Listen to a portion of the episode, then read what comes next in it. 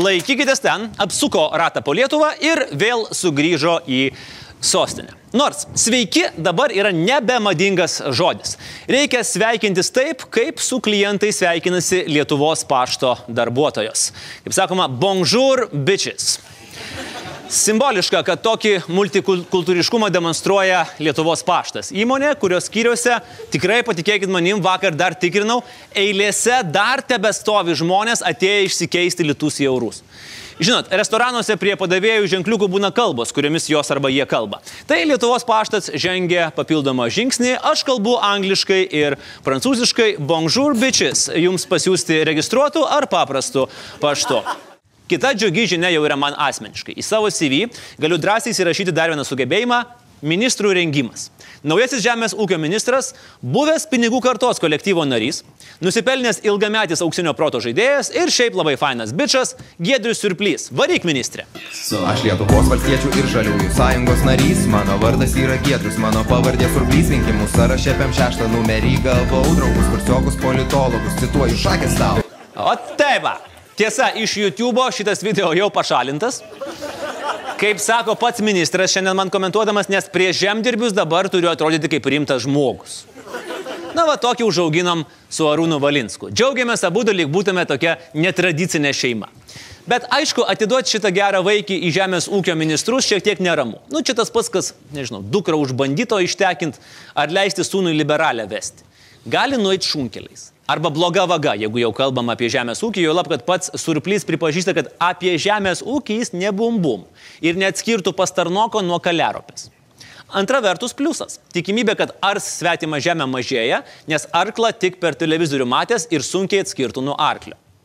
Bet kuriuo atveju, galima prognozuoti, kad kiekvieną kartą sužinojęs kažką apie žemės ūkį, jis džiaugsis štai taip. Jeigu jie ir juoksis, jie juoksis iš savęs, nes jūs esate visiškai teisus. Ir tai reiškia, jūs iškovojat pergalę rezultatu. 4-0.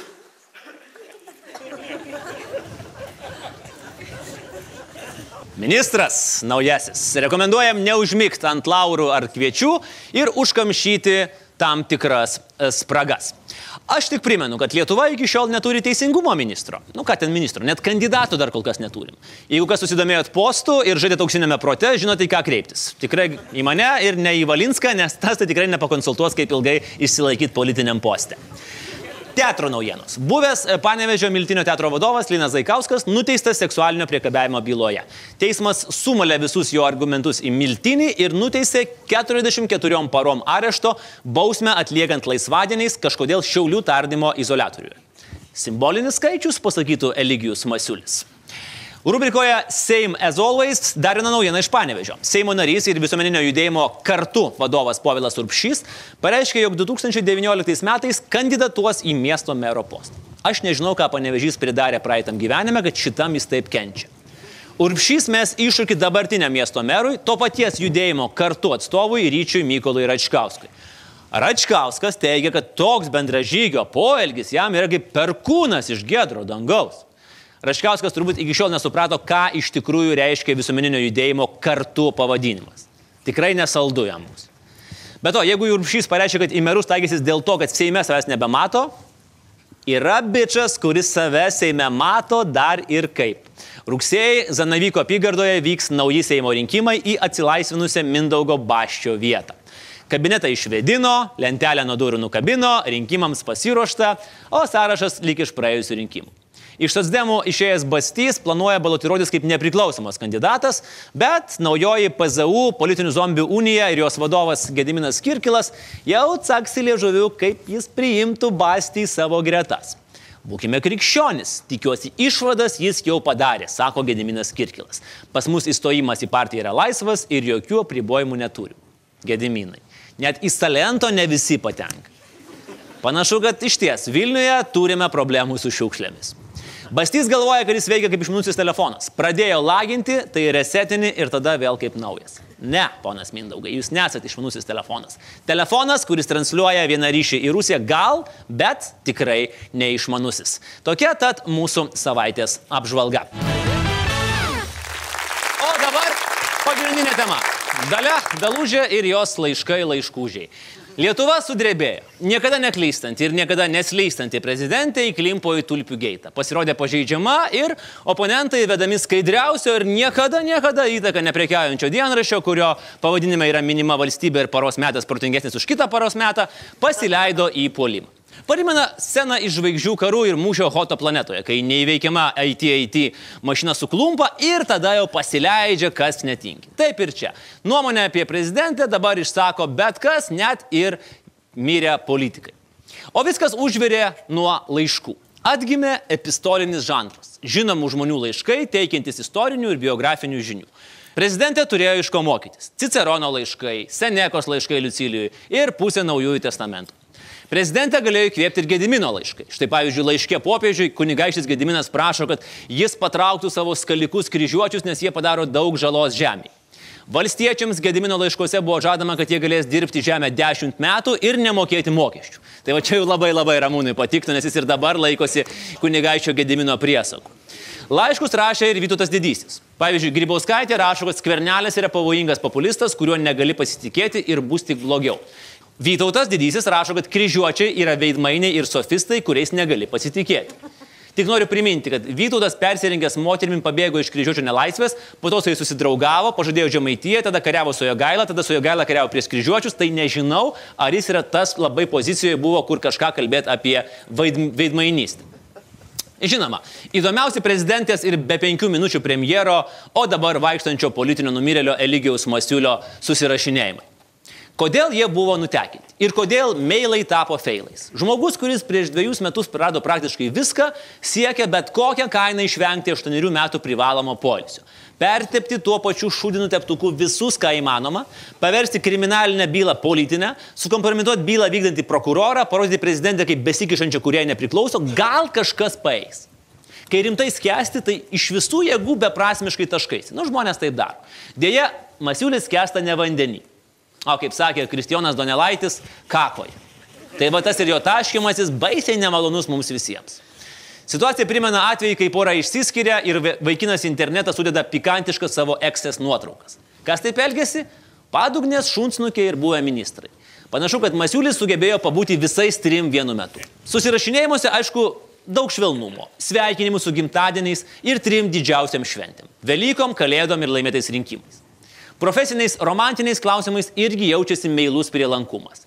Vietomis prezidentė maloniai paprašo prigesinti įvairias iniciatyvas, kuriamis norima tirti jos veiklą. Ir vat paradoksas. Masiulis kaip koks ugnegesys. Viską prigesindavo, o pats sudegė iki pelenų ar tai iki pilienų. Ir po ilgos sveikinimų ir meilikavimų virtinės, bam, degtinės skandalas. Daliai dužo širdis. Žodžių buvo ne per daugiausiai. Spėlioti tikrai nenorėčiau, komentuoti iki teisminio tyrimo negaliu, O kokia bus įtaka rinkimams, turi padaryti šitą sprendimą patys žmonės. Kitaip tariant, nenoriu, negaliu, atsikniskit, telefonas išjungtas, aš žiūriu filmus, valgau nutelą ir verkiu. Meilė dužo greitai ir į labai smulkius šipulius. Ta dalia dalūžė.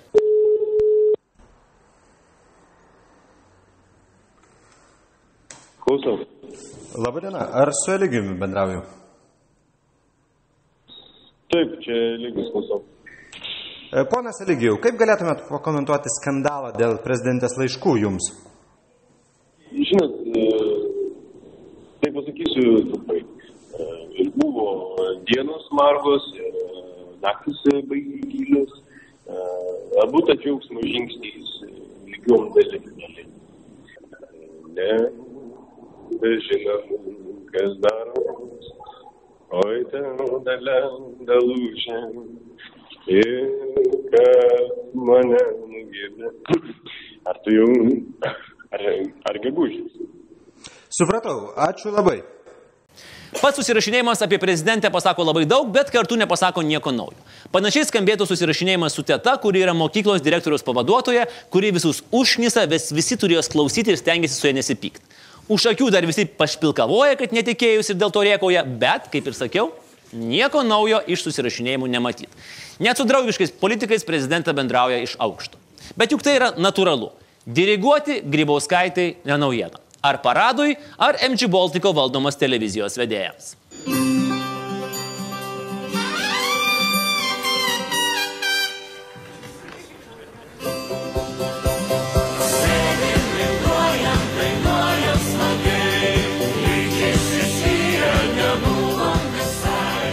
MG Baltiko skandalo byloje žodžiai sėdim, linguojam, dainuojam smagiai turi ir šiek tiek kitą prasme. Šalies vadovė beveik 10 metų turime žmogų, kuris beveik su visais tiek viešumoje, tiek asmeniškai, na, pripažinkim, bendrauja kaip su vasalais. Tam, kad nusteptum dėl prezidentės bendravimo manieros, ne tai, kad 10 metų po paprastų akmenių gyventi reikėjo, bet dar ir po visų puntukų užsiklojus žvyrojo dirbožėmių sluoksnių. Tikrų draugų prezidentą turi labai nedaug. Nu ne, draugų apskritai neturi. Tik visginančius uodegą politikus, kurie išsitempę raportuoja, kad liberalų kariuomenė išrikiuota. Gal nenustabu, kad prezidentė aplink pradėjo matyti tik skalikus, pinčerius ir čihuahuas. Kariuomenę aišku turėti gerai. Bet nepamirškim, kad liberalai gali kariauti tik ant žolės ir tik ant legalizuotos. Ir konservatoriai. Jie taip entuziastingai puola į pagalbą prezidentai, kad jie primena tą nevykėlį iš komedijų, kuris visada puola pirmas, užkliūna, pargriūna, stojasi bėgti padėti, vėl griūna, išsikrūvina, visą susipjaustų, bet vis tiek veržiasi į pagalbą.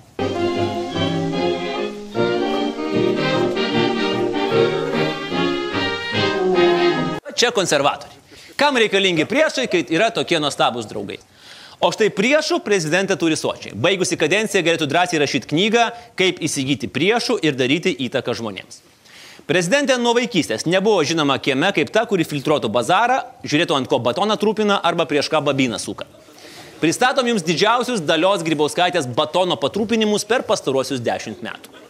Pirmą kartą Romenis Grybauskaitė pasitikino dar 8 metais. Jeigu buvai baigęs 8 klases, supranti, kad finansuose geriausia uždirbti čiut daugiau negu išleisti, jau tada galėjai suprasti, kad artėja krizė. Suprato beveik visi, išskyrus tuometinį Primą, MG Baltico dabar vadinamą Feldmaršalu Gediminą Kirkil. Pirmas Grybauskaitės užvažiavimas buvo, cituoju, po tą maro metu tik įsisiubuoja, nes ministrų kabinetas nesijėmė ir nesima jokių priemonių, kad sušvelnintų krizės padarinius. Apsileist Kirkilui prieš kažkokią Briuselio ponę buvo sarmata. Na, jis kirto atgal. Čia tik politikavimas, kurį tęsė tam, kad uždengtų savo pačios neveiklumo komisijoje, kurioje ji nieko nenuveikė Lietuvos naudai. Kirkilas netgi žadėjo skūstis dėl tokios kritikos tuometiniam EK vadovui Barosui, bet kažkaip Adamkus jį sugėdino ir Kirkilas pradėjo sukti uodegą, kad apgailestauja, jog kažkas nesupranta jo pajokavimo. No, welcome to my world. Mano pajokavimų irgi dažnai niekas nesupranta. Na bet kas aš toks? Aš tik sėdžiu prie stalo ir aiškinu, kaip jums gyventi. O Kirkilas buvo Primas. Aštuntais metais. Atkreipkite dėmesį, praėjo dešimt metų, mes vis dar rašome skundus ant savų dideliems Europos žmonėms, o premjerai vis dar nenuvaldo liežuvio ir svaido jokeliukus, kurie supranta tik jį patys. Kitas dėmesio vertas užvartimo pavyzdys tai jau žanro klasika tapęs Grybauskaitės užvažiavimas ant užsienio reikalų ministro ir žmogaus dialogo su Rusija Vygaudo Ušatsko. Grybauskaitė aiškiai pasakė, Ušatskas nebus eurokomisaru, nes neturi politinio svorio. Antras, užsienio reikalų ministras mėnesį negirdi raginimo atšaukti iš pareigų ambasadorių Gruzijoje. Ir ant viršaus dar pridėjo, Ušatskas ne visada girdi, ką sako prezidentė. O visa suvartimo procedūra pasibaigė fraze, niekada nesuteikusi, kad jis turi mano paramą, viešai, niekada. Nu, kontrolinis šūvis. Čia kaip dviem klasėm vyresni huliganai iš gretimo kiemų. Ne tik atima dienpinigius ir fanarai stato, bet dar ir visiems viešai papasakoja, kad tavo treningai ir kėda yra padėlkos iš gariūnų. Abibas USSR. Bendravimas su praėjusios kadencijos Seimu buvo vienas didelis iešmo vartimas. Seimas lyg bebras ant iešmo virš laužo, o prezidentė laiminga medžiotoja suka iešmą ir pazuoja kameroms. Prezidentė net netvyko į pirmąjį posėdį pasveikinti naujai išrinkto Seimo. Nekvietė valstybės gynimo tarybos, nes Seimo pirmininkė iš teisiamos partijos ir gali apginti tik Viktorą, o ne valstybę. Čia antraštė dar iš tų laikų, kai Lietuva turėjo teisingumo ministrą. O, buvo ir tokie laikai. Per viešus renginius prezidentė vargšė Loreta apskritai ignoruodavo, o kai ją išrinko pirmininkė, net Loreta negalėjo pasakyti, ar prezidentė jai skambino pasveikinti, nes pasak Loretos telefonas užlūžo.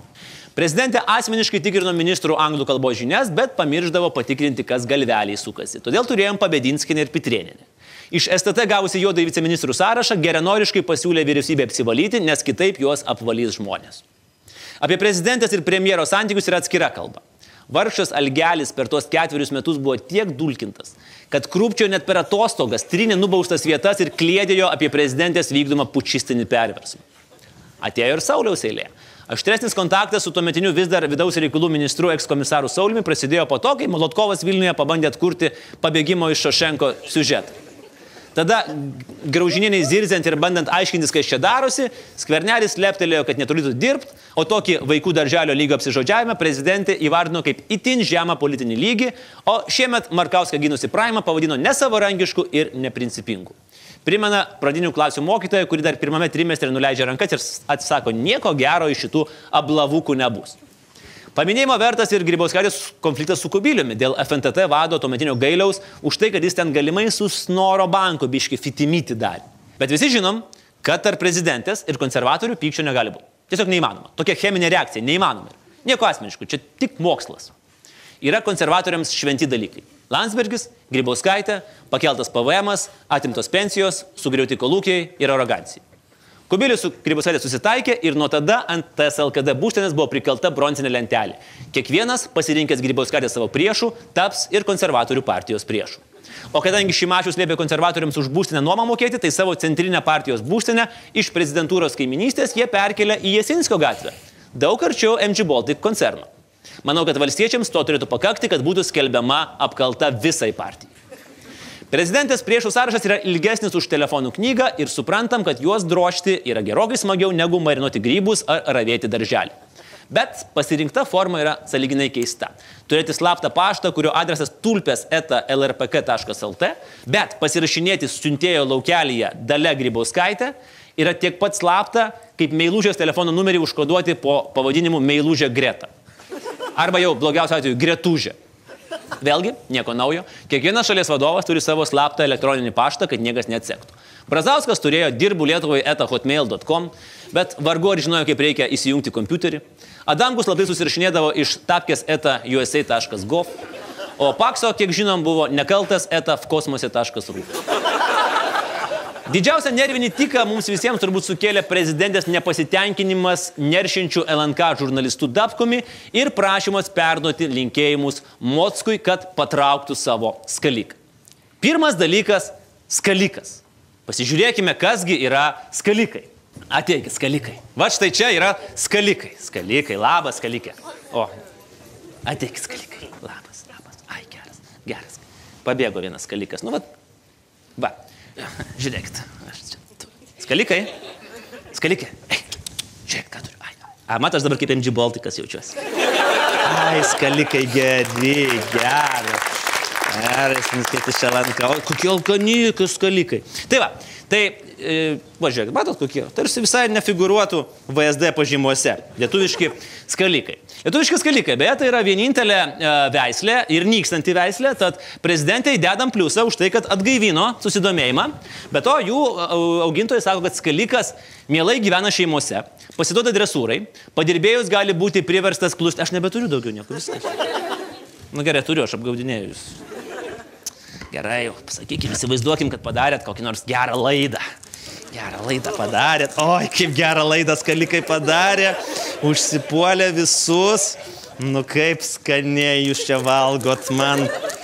Ir, ir kaip aš įsivaizduokim, kad aš generalinis direktorius savo ant kavą. Mokit skalį. Oi, kaip skanu. Ai, ai. Ne viskas, o viskas dabar jau turėsit. Nu. Tai va, pasiduoda dresūrai ir padirbėjus gali būti paversti klusniais tarnybiniais šunimis. Puikiai tinka aktyviems žmonėms, ar ne? Aha, taip. Na, gerai, gerai. imkit. Ai, ai. Nu. Tai va, puikiai tinka aktyviems žmonėms. Ir, žinot, nu, jau ką, ką, bet Kurlenskis su Moskum gali vadinti kuo nori. Verslo magnatais, liberalų dresuotojais, žurnalistų siundytojais, politikų papirkinėtojais ir baugintojais, pinkių ir makaulė, versliukais nindzėm, šešėliniais ministrais, pilkaisiais kardinolais, tikrąją mafiją. Bet jau tinginiais tai jų tikrai nepavadins. Va, kolega mano, kolegos, žurnalistai, sarginiai demokratijos šūnis. Man įdomu, pavyzdžiui, man kokią veislę prezidentę parinktų. Aš jaučiu, kad būtų, būčiau kurtas, nes aš labai kudas. Nors jaučiuosi kaip Dobermanas. Pamatau, kas nepatinka ir tada jau laikykitės ten. Bet tikrai nebūčiau labradoras, nes žodyje yra doras. Aš nelabai doras. Tai va, ai, gerai, gerai, gerai. Nu gerai, viskas. Eikit, keliaukit ir dirbkit gerus darbus Lietuvai. Sėkmės jums, kas kelikai. Ar prezidentė spaudžia žiniasklaidą? Iš vienos pusės taip. Prašymas patraukti skaliką yra spaudimas. Prezidentės gynėjo dabar ir VSD sėkmingai įrodinėja, kad, pavyzdžiui, Tomas Datkus joks ne žurnalistas, o koncerno pavedimus vykdantis veikėjas. Saugumas paviešina Kurlenskio žinutę sosdėmiai Rasai Budbergytei, baig trukčiot kur nereikia ir būtinai duok interviu Tomui. 15 ataskaitos puslapių Datkus nurodomas kaip koncerno patikėtinis ir zadanių įvykdytojas. Šalia visur ir pati LNK generalinė Zita Sarakienė. Nekoks kvapas eina nuo laisvo ir nepriklausomo. Na, o žodis kanalas čia irgi įgauna kitą prasme. Kas yra žurnalistas? Apskritai, na gerai, paimkim, kad ir pavyzdžiui Rūta Janutinė. Veda laidas. Taip, prieš kamerą sukinėjasi, nutaisiusi maslų žvilgsnį, su mikrofonu vaikšto, viską kaip ir žurnalistė.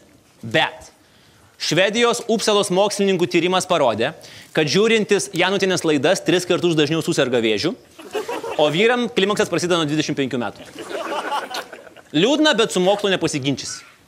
Ir kai į laidą apie tulpių skandalą Janutinė pasikviečia laisvo vėjo ekspertą Skardžių, kad šis išsakytų savo nuomonę, mm, teoriškai žurnalistė, praktiškai žurva. Panašiai ir su Tomu Dapnu. Bet ar prezidento darbo aprašyme paminėta, kad jam priklauso skirstyti žurnalistus į tikrus ir netikrus? Nepaminėta. Nesunku. Va žiūrėk, vienam skalikui duodi ordiną. Regis jau kaip ir dresiruotas, sėdėt, leteną duot. A tik nusisog iš na ir kandai kumpius. Ne, demokratinėje šalyje politikai neturėtų nurodinėti verslininkams patraukinėti žurnalistų, kad ir kokie žurvos jie būtų. Čia prezidentės munduras aptaškomas ir tikrai yra jos fiasko. Bet tuo pačiu metu ji vienintelė, ko gero, stabiliai blokuoja politikų bandymus uždėti žiniasklaidai apynastrį. Vien per pastarosius trejus metus jį vetavo arba sustabdė šešias iniciatyvas riboti žodžio laisvę arba švelniai įvesti cenzūrą. Metiniuose pranešimuose nekartą akcentavo būtinybę ginti žodžio laisvę ir kad žiniasklaida yra tiesos kartas. Įsivaizduoju, kaip tada juokiasi LNK žiūrėdami Kurlenskis su Mocku. Dariukas, dariukas, dariukas, sakyk, koks tavo vardas? Tiesos kardas, ha, ha, ha, parašyk žinutę dapkui. Bet tuo pačiu prezidentės santykiai su žurnalistais yra komplikuoti. Jai nepatinka aštrus klausimai ir viešos spaudos konferencijos. Ji turi nemėgstamų žurnalistų sąrašą, nors, aišku, čia dar galėtų pasimokyti iš Karbauskio, o nesuderinti klausimai gali tapti tarptautinio skandalo pagrindu. Prisiminkime. I think uh, committee. Martha, I think that we we not agreed on these questions, and I don't want to talk. We agreed on questions, and you don't try to drag me on 40 minutes. If you finish with your questions, we finished. No, it's, it's, just one more, one more question. Okay. Okay. Yeah, If it's not on agenda. Okay. it was not agreed questions. Already, third question is not agreed, and you please cut these questions out. Prezidentė gerbė žiniasklaidą, bet nemėgsta žurnalistų. Na, čia tas pats, kas policija pasitikiu ir gerbiu, bet blemba kaip tie mentai nervuoja, kaip reikia stabdo ir puslėpia. Eitų geriau žulikus gaudytų. Skandalą pakurstė ir komunikacijos problemos. Pasirodžius laiškams, po kelių dienų viešumoje pasirodė patarėjas, kalbėjęs apie neteisingai suprantamus teiginius. O dar po trijų dienų prezidentė davė interviu tik vienai televizijai, kur irgi suka uodegą, sakydama, kad laiškų autentiškumo patvirtinti negali, o serveriuose laiškai neišliko. Va tie serveriai. Zenonas dar prieš pusantrų metų žinojo, kur viską reikia laikyti. Kas šeščiausia, kad mes tų serverių neturim nei vieno, dirbam debesyse. O mane įtarinėja, kad aš ar tai su atsuktuvu, ar tai su lūpų dažais, kaip tai būtų tos kompiuterio rezultatus ant monitorio to ir kalbu. O iš tikrųjų užgesinti viską galima buvo labai nesudėtinga. Pirmadienį surenki spaudos konferenciją, pakvieti visus ir skalikus, ir laikas, ir byglius, ir netgi Yorkšyro terjerus, nors tie tai tik tupėtų kamputį ir drebėtų, ir viską pasakai. Labas, labas, sėskit, sėskit, sėskit visi. Kojas nesvetimos. O, kiek čia jūsų daug susirinko, kaip iš šunų parodą. Jokauju. A, apie laiškus norėjau paklausti. Ar rašiau? Rašiau. Ir rašysiu. O kaip kitaip valstybę valdyti? Kad skalikų pavadinau, tai juk gražus šo. Jūs dar kitų mano laiškų nematėt ir tikiuosi nematysit. Nebent koks buvęs premjeras paviešins. Ha. Paprastai aš taip švelniai nekalbu, kai žmonės nesąmonės daro. Kodėl tulpės? Kodėl ne? Gražios gėlės? E, Taip, nelabai man ten su slaptumu gavosi. Kitą kartą jūsų pagalbos paprašysiu. Beje, važiuoju į tulpių žydėjimo šventę, tai kviečiu visus ten atvykti, tuo pačiu ir apie VSD pažymą pakalbėsim. Ai, šito gal dar nereikėjo sakyti, čia toks kaip turėjo būti surprizas vėliau. Ir viskas, ir būtų visi nusiraminę. Bet va šito Lietuvos daliai dar šiek tiek trūksta. Kartais tikrai labiau reikia piaršikų, o ne pritarėjų pagalbos.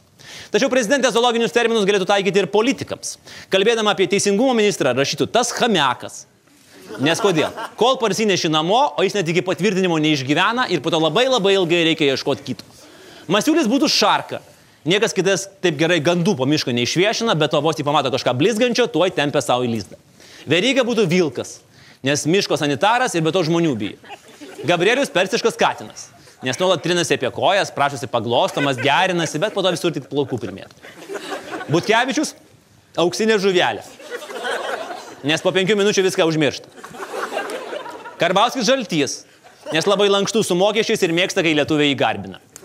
Skvernelis krokodilas. Ne todėl, kad žalias, bet todėl, kad žalias. Ir kad pavojingas populistas. Gražulis asilas. Tiesiog. Prezidentas akimis jos skiriamo naujo stipraus prokuroro Nerijaus Meilučio su stuburu skirimo nenorėtų Vilniaus prokurorai su Ramušiu Jancevičium prieš akį. Na, nes jie visi korumpuoti, neįgalus arba pasiskirsta į klanus. Tai aš tik norėčiau atkreipti dėmesį į tai, kad ponas Jancevičius iš prokuratūros jau išėjo ir dirba, niekad neatspėsite kur. Gerbiami žiūrovai, pateikiu tris variantus. Galbūt buvęs prokuroras Jancevičius dabar dirba taksistų Uberyje. Gal jisai moko studentus praktinių teisės dalykų Riomeryje. O gal ponas buvęs prokuroras dabar dirba koncerne MG Baltic. Jūs laimite, jei pasirinkote MG Baltic ir tai buvo vienintelis šansas kažką laimėti pasirinkus MG Baltic. Nieko nenorim pasakyti, bet čia tas pats, jei Batmanas pabaigė savo karjerą, įsidarbintų UAB Džokerita, Sabonis būtų tapęs CSK prezidentu, o Grybauskaitė po kadencijos pasiprašytų į Kirkilo ir Pinskuvinės pirdylų partijos gretas. Šio laiškų skandalo jokių gyvų negalėjo praleisti ir kiti politikai. Privaloma tvarka, visi sustojo eilutę pakomentuoti, ką galvoja ir ką čia dabar reikia daryti. Pirmoje vietoje Seimo pirmininkas Viktoras Pranskietis. Neturiu tokių žodžių savo leksikonė, tai manau, kad e, neišslystų niekada. O, o manau, kad jeigu tie žodžiai ir yra, tai turbūt verta būtų už juos ir atsiprašyti. Ir ne žodžio, kad jam gėda. Tai paprastai jam visada būna gėda dėl kažko. Ai, liūdnesnis toks. Komentarą įvertinam Saulytės lipduku ir linkim iki kadencijos galo išmokti daugiau žodžių pirmininkui. Toliau Ramūnas Karbauskis. Turinys, jeigu jisai autentiškas, jisai šokiruoja savo turiniu. Būtent uh, tuo, kad šnekama apie skirimą uh, tam tikrų pareigūnų, apie įtakas, apie tai, kad uh, ko neturi daryti žurnalistai, ką jie turi daryti.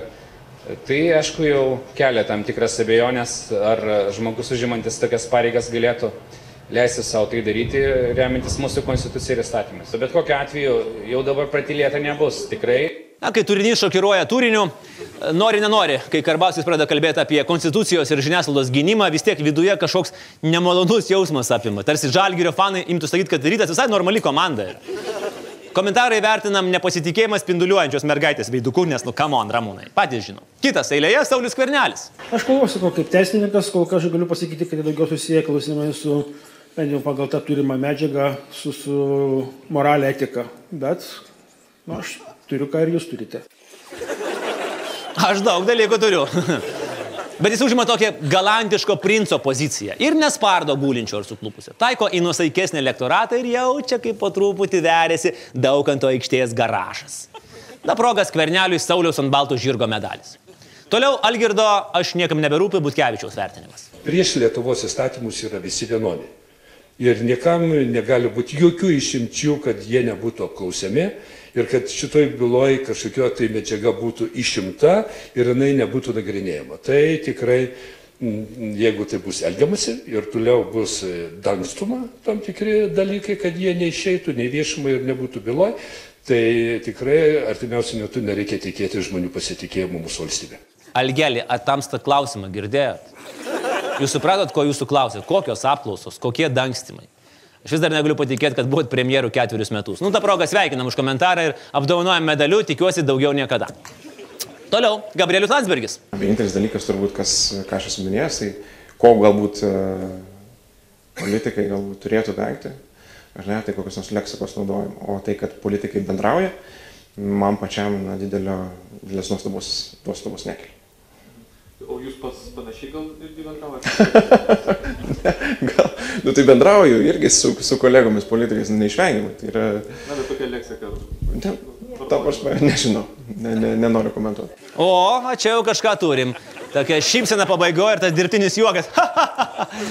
Kol jis pabaigoje sako bet kokius atsitiktinius žodžius, galvoje akivaizdžiai sukasi dvi mintis. Pirma mintis - bet koks rusiškas keiksmažodis, antra mintis - tikiuosi mano emailas nenutekės į viešumą.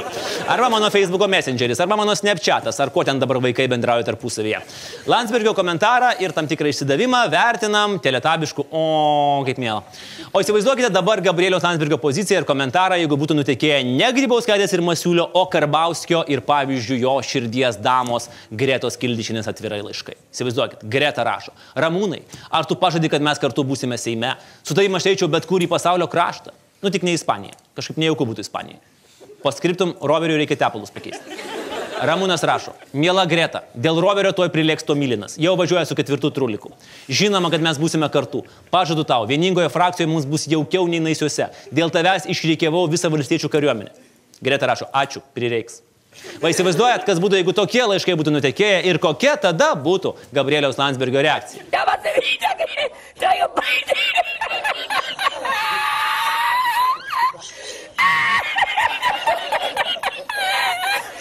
O kas bus dabar? Dabar bus sąstingis, kadangi visi už akių vieni kitus apipletkina, vargu ar tokiam nerašytai akivaizdžiam dalykui iškilus į viešumą padaugės dialogo tarp valdžios institucijų. Bijau, kad nuo šiol Lietuvos politikoje prasidės šaltasis karas. Niekas su nieko nesikalbės, visi vieni kitus trauks per dantį arba ignoruos. Na, skamba kaip bendravimas su sunkiu paaugliu. Kad ir ką besakysi, atgal gausi kandžią repliką arba ignorą. Na, gal ir gerai. Lietuvos politikos lygis kyla iš vaikų darželio į sunkę paauglystę. Jeigu rimtai, nėra abejonės, kad prezidentės reitingai galbūt šiek tiek smuktels, kaip stipriai atsakyti sunku. Jeigu valdantiesiems pavyks kažką išspausti iš tos sniego gniuštės, gal bus įdomu. Siūloma dar viena komisija. Na, komisijos pas mus savo naudingumu gali lygiuotis su dar viena nauja kriptovaliuta. Jų ir taip galybė, visi apsimeta, kad kažką daro, kad kažkokie rezultatai bus, bet realiai tik pinigų išmetimas į balą. Parlamentinė komisija kaip bambos pukai. Neaišku, iš kur atsiranda, pastoviai velėsi, naudos jokios ir trupučiuką gėda. Nors Nacionalinio saugumo ir gynybos komitetas tyria interesų grupių įtaką politikams. Tikiuosi, jiems pavyks kažką ištirti. Na, o mūsų mėlynoji tulpė šioje situacijoje pralaimi, tačiau praranda nedaug. Reitingus pasitaisys diplomatiniu keliu, pasišypsos Briuselėje, pasifotografuos su Trumpu, atšildys santykius su Lenkija. Kitas dalykas. Grybauskaitės prezidentinė kadencija į pabaigą. Klausimas, kokį kelią ji pasirinks po dauganto aikštės. Skandalas įtakos galėtų turėti, jeigu ponia eitų į vidaus politiką. Kariaunus juk jau seniai reikiuojasi. Tačiau po dviejų kadencijų dauganto aikštėje murgdytis į Seimą arba į vyriausybę būtų tas pats, kas tiesiai iš blizgančio ministro kabineto Vilniuje grįžti pas mamą į kaimą ir toliau arti svetimą žemę. Ir pinigai šiaip savo, ir panagės šūdinos. Patraukliau skamba Europos komisija arba Junktinės tautos, nors dalios Grybauskaitės blokas, skaidrus kalikai, plus Laisvės partija šiais laikais, patys suprantat. Kaip viskas baigsis? Ką žinai, ar baigsis? Dar tik pati pati pradžia. Žiūrėkit, neseniai išėjo VSD pažyma apie MG Baltic ir liberalus. Kažkur, manau, stalčius yra agrokoncernas, o turbūt nebe reikiuotėjai stovi liberalai, o dezertiruoja skandinti liūdėsi. Šaltojo karo išgyventi liko saliginai nedaug. Nenukabinkim nosies, juk nors politikai tarpusavėje plagasi ar nesikalba, širdį pas mus gegužis. O nieko taip nesinori daryti pavasarį, kaip užtraukti dainą, dainą, kuri padės išsklaidyti karo dūmus ir tikrai duos garo.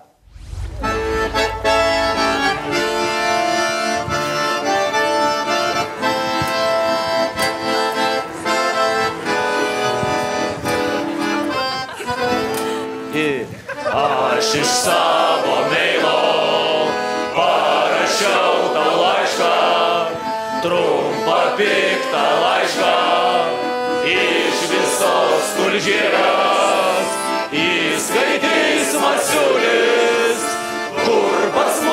Moskų vaikšto.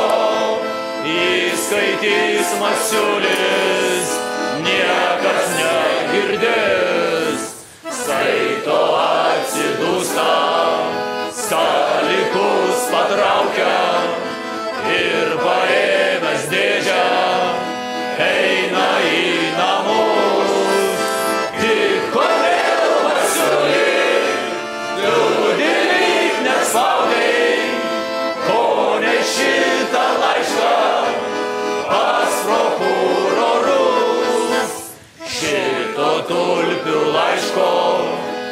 niekas nesupranta, tik Karvauskis džiaugias, bus gal kalta.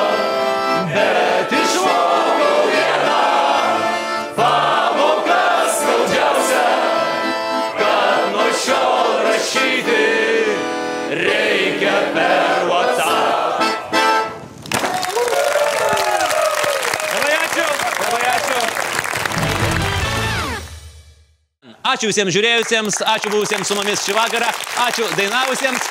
Iki kitos savaitės. Laikykime ten kartu, nes laikytis tikrai reikia. Iki.